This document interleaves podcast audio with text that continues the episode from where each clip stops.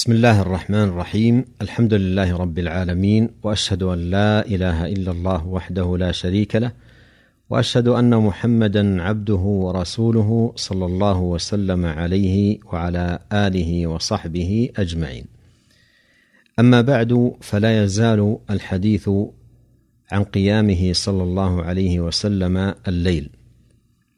عن عائشة رضي الله عنها قالت كان رسول الله صلى الله عليه وسلم يصلي من الليل تسع ركعات. أخرجه الترمذي في جامعه وابن ماجة في سننه. قولها كان يصلي من الليل تسع ركعات. هذا في بعض أحواله صلى الله عليه وسلم. فلا يعارض ما تقدم عنها رضي الله عنها وعن غيرها أنه كان صلى الله عليه وسلم يصلي إحدى عشرة ركعة أو أنه يصلي ثلاثة عشرة ركعة. وعن حذيفة بن اليمان رضي الله عنه أنه صلى مع النبي صلى الله عليه وسلم من الليل. قال فلما دخل في الصلاة قال الله أكبر ذو الملكوت والجبروت والكبرياء والعظمة. ثم قرأ البقرة ثم ركع ركوعا نحوا من قيامه. وكان يقول سبحان ربي العظيم سبحان ربي العظيم. ثم رفع رأسه فكان قيامه نحوا من ركوعه. وكان يقول لربي الحمد لربي الحمد ثم سجد. فكان سجوده نحوا من قيامه. وكان يقول سبحان ربي الأعلى سبحان ربي الأعلى ثم رفع رأسه. فكان ما بين السجدتين نحوا من السجود. وكان يقول رب اغفر لي رب اغفر لي. حتى قرأ البقرة وآل عمران والنساء والمائدة أو الأنعام. شعبة الذي شك في المائدة والأنعام أخرجه أبو داود. قوله فلما دخل في الصلاة قال الله أكبر ذو الملكوت والجبروت والكبرياء والعظمة. هذه كلها أوصاف تعظيم لله. فهو صاحب الملكوت والجبروت والكبرياء والعظمة. الملكوت من الملك والجبروت من الجبر فهو سبحانه وتعالى الملك الجبار. ثم قرأ البقرة أي كاملة ثم ركع ركوعا نحوا من قيامه وكان يقول سبحان ربي العظيم سبحان ربي العظيم. هذا فيه طول ركوعه صلى الله عليه وسلم وكان يكرر سبحان ربي العظيم تعظيما للرب. لأن الركوع محل تعظيم لله سبحانه وتعالى ويطوله حتى يكون نحوا من القيام. ثم رفع رأسه فكان قيامه نحوا من ركوعه أي أن الاعتدال الذي بعد الركوع يقف فيه صلى الله عليه وسلم طويلا نحوا من الركوع. وكان يقول لربي الحمد لربي الحمد ثم سجد فكان سجوده نحوا من قيامه. وكان يقول سبحان ربي الأعلى سبحان ربي الأعلى اي يكرر ذلك في سجوده هذا الطويل. ثم رفع رأسه فكان ما بين السجدتين نحو من السجود. وكان يقول رب اغفر لي رب اغفر لي حتى قرأ البقرة وآل عمران والنساء والمائدة أو الأنعام. وعن عائشة رضي الله عنها قالت قام رسول الله صلى الله عليه وسلم بآية من القرآن ليلة أخرجه الترمذي. فيه أن النبي صلى الله عليه وسلم قام بآية واحدة من القرآن ليلة وجاء في مسند الإمام أحمد من حديث أبي ذر رضي الله عنه أن النبي صلى الله عليه وسلم صلى ليلة فقرأ بآية حتى أصبح يركع بها ويسجد بها. إن تعذبهم فإنهم عبادك وإن تغفر لهم فإنك أنت العزيز الحكيم. وهذا يدل على مشروعية تكرار الآية الواحدة أو السورة الواحدة في الركعة أو في الليلة الواحدة. قال ابن القيم رحمه الله فلو علم الناس ما في قراءة القرآن بالتدبر لاشتغلوا بها عن كل ما سواها فإذا قرأه بتفكر حتى مر بآية وهو محتاج إليها في شفاء قلبه كررها ولو مئة مرة ولو ليلة. فقراءة آية بتفكر وتفهم خير من قراءة ختمة بغير تدبر وتفهم. وأنفع للقلب وأدعى إلى حصول الإيمان وذوق حلاوة القرآن. وهذه كانت عادة السلف يردد أحدهم الآية إلى الصباح. وعن عبد الله بن مسعود رضي الله عنه قال صليت ليلة مع رسول الله صلى الله عليه وسلم فلم يزل قائما حتى هممت بأمر سوء. قيل له وما هممت به؟ قال هممت أن أقعد وأدع النبي صلى الله عليه وسلم متفق عليه. فيه بيان طول صلاة النبي صلى الله عليه وسلم في الليل وهو نظير ما تقدم في الأحاديث حديث زيد وعائشة وحذيفة رضي الله عنهم.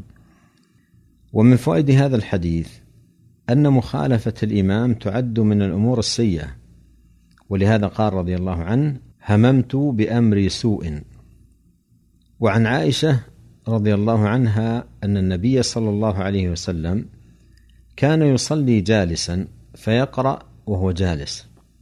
فإذا بقي من قراءته قدر ما يكون ثلاثين أو أربعين آية قام فقرأ وهو قائم ثم ركع وسجد. ثم صنع في الركعة الثانية مثل ذلك متفق عليه. فيه أن النبي صلى الله عليه وسلم كان يصلي وهو جالس لتعب أو مرض أو كبر أو نحو ذلك فيقرأ عليه الصلاة والسلام وهو جالس ما يقرأه في قيامه. حتى إذا بقي من الركعة مقدار ثلاثين آية أو أربعين قام فأكمل القراءة ثم ركع وسجد. وعن عبد الله بن شقيق قال سألت عائشة رضي الله عنها عن صلاة رسول الله صلى الله عليه وسلم عن تطوعه فقالت كان يصلي ليلا طويلا قائما وليلا طويلا قاعدا فإذا قرأ وهو قائم ركع وسجد وهو قائم وإذا قرأ وهو جالس ركع وسجد وهو جالس أخرجه مسلم. جوابها رضي الله عنها هنا يخالف الرواية المتقدمة عنها. قال الحافظ ابن حجر رحمه الله في كتابه فتح الباري وقد روى مسلم من طريق عبد الله بن شقيق عن عائشة في صفة تطوعه صلى الله عليه وسلم وفيه وكان إذا قرأ وهو قائم ركع وسجد وهو قائم وإذا قرأ قاعدا ركع وسجد وهو قاعد. وهذا محمول على حالته الأولى قبل أن يدخل في السن جمعا بين الحديثين. انتهى. وصلاة الرجل القاعد على النصف من صلاة القائم. لكن النبي صلى الله عليه وسلم مستثنى من ذلك فإن صلاته قاعدا لا ينقص أجرها عن صلاته قائما لما رواه مسلم في صحيحه من حديث عبد الله بن عمرو رضي الله عنهما أنه قال حدثت أن رسول الله صلى الله عليه وسلم قال صلاة الرجل قاعدا نصف الصلاة قال فأتيت فوجدته يصلي جالسا. فوضعت يدي على رأسي فقال ما لك يا عبد الله بن عمرو؟ قلت حدثت يا رسول الله أنك قلت صلاة الرجل قاعدا على نصف الصلاة وأنت تصلي قاعدا. قال أجل ولكني لست كأحد منكم.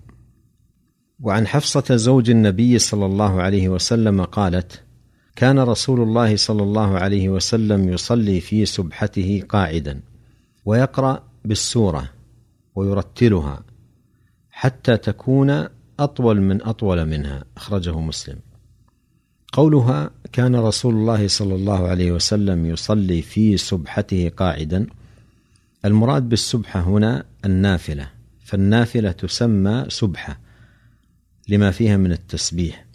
فهو من باب تسمية الشيء ببعض أجزائه.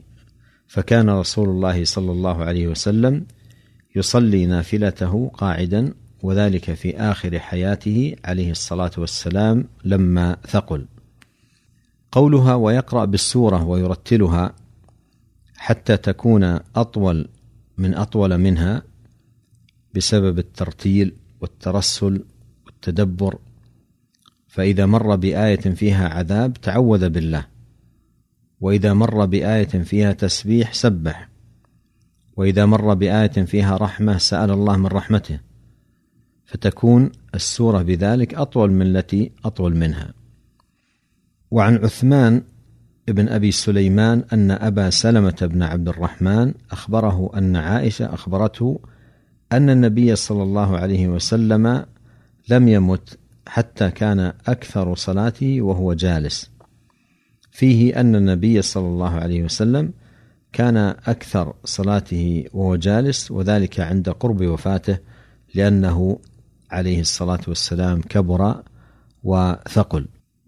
هذا وإن في قيام الليل فوائد عظيمة وثمارا جليلة يجنيها العبد إذا وفق للعناية بهذه العبادة.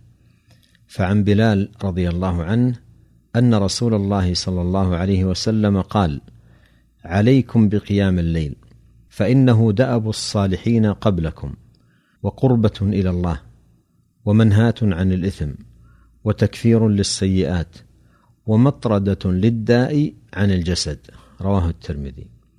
قوله عليكم بقيام الليل أي التهجد فيه وقوله فإنه دأب الصالحين أي عادتهم وشأنهم وطريقتهم. وقربة إلى الله أي أعظم ما يتقرب به إلى الله. ومنهاة عن الإثم أي عن ارتكابه. قال الله تعالى إن الحسنات يذهبن السيئات. وقال تعالى إن الصلاة تنهى عن الفحشاء والمنكر. وقوله وتكفير للسيئات أي مكفر للسيئات وساتر لها. وقوله ومطردة للداء عن الجسد أي طارد ومبعد للداء عن البدن. وعن ابن عمر رضي الله عنهما قال قال النبي صلى الله عليه وسلم نعم الرجل عبد الله لو كان يصلي من الليل. متفق عليه. ومقتضاه أن من كان يصلي من الليل يوصف بكونه نعم الرجل. ونسأل الله عز وجل أن يوفقنا أجمعين لكل خير وأن يصلح لنا شأننا كله والا يكلنا إلى أنفسنا طرفة عين إنه سميع قريب مجيب وصلى الله وسلم على عبده ورسوله نبينا محمد وآله وصحبه أجمعين والسلام عليكم ورحمة الله وبركاته.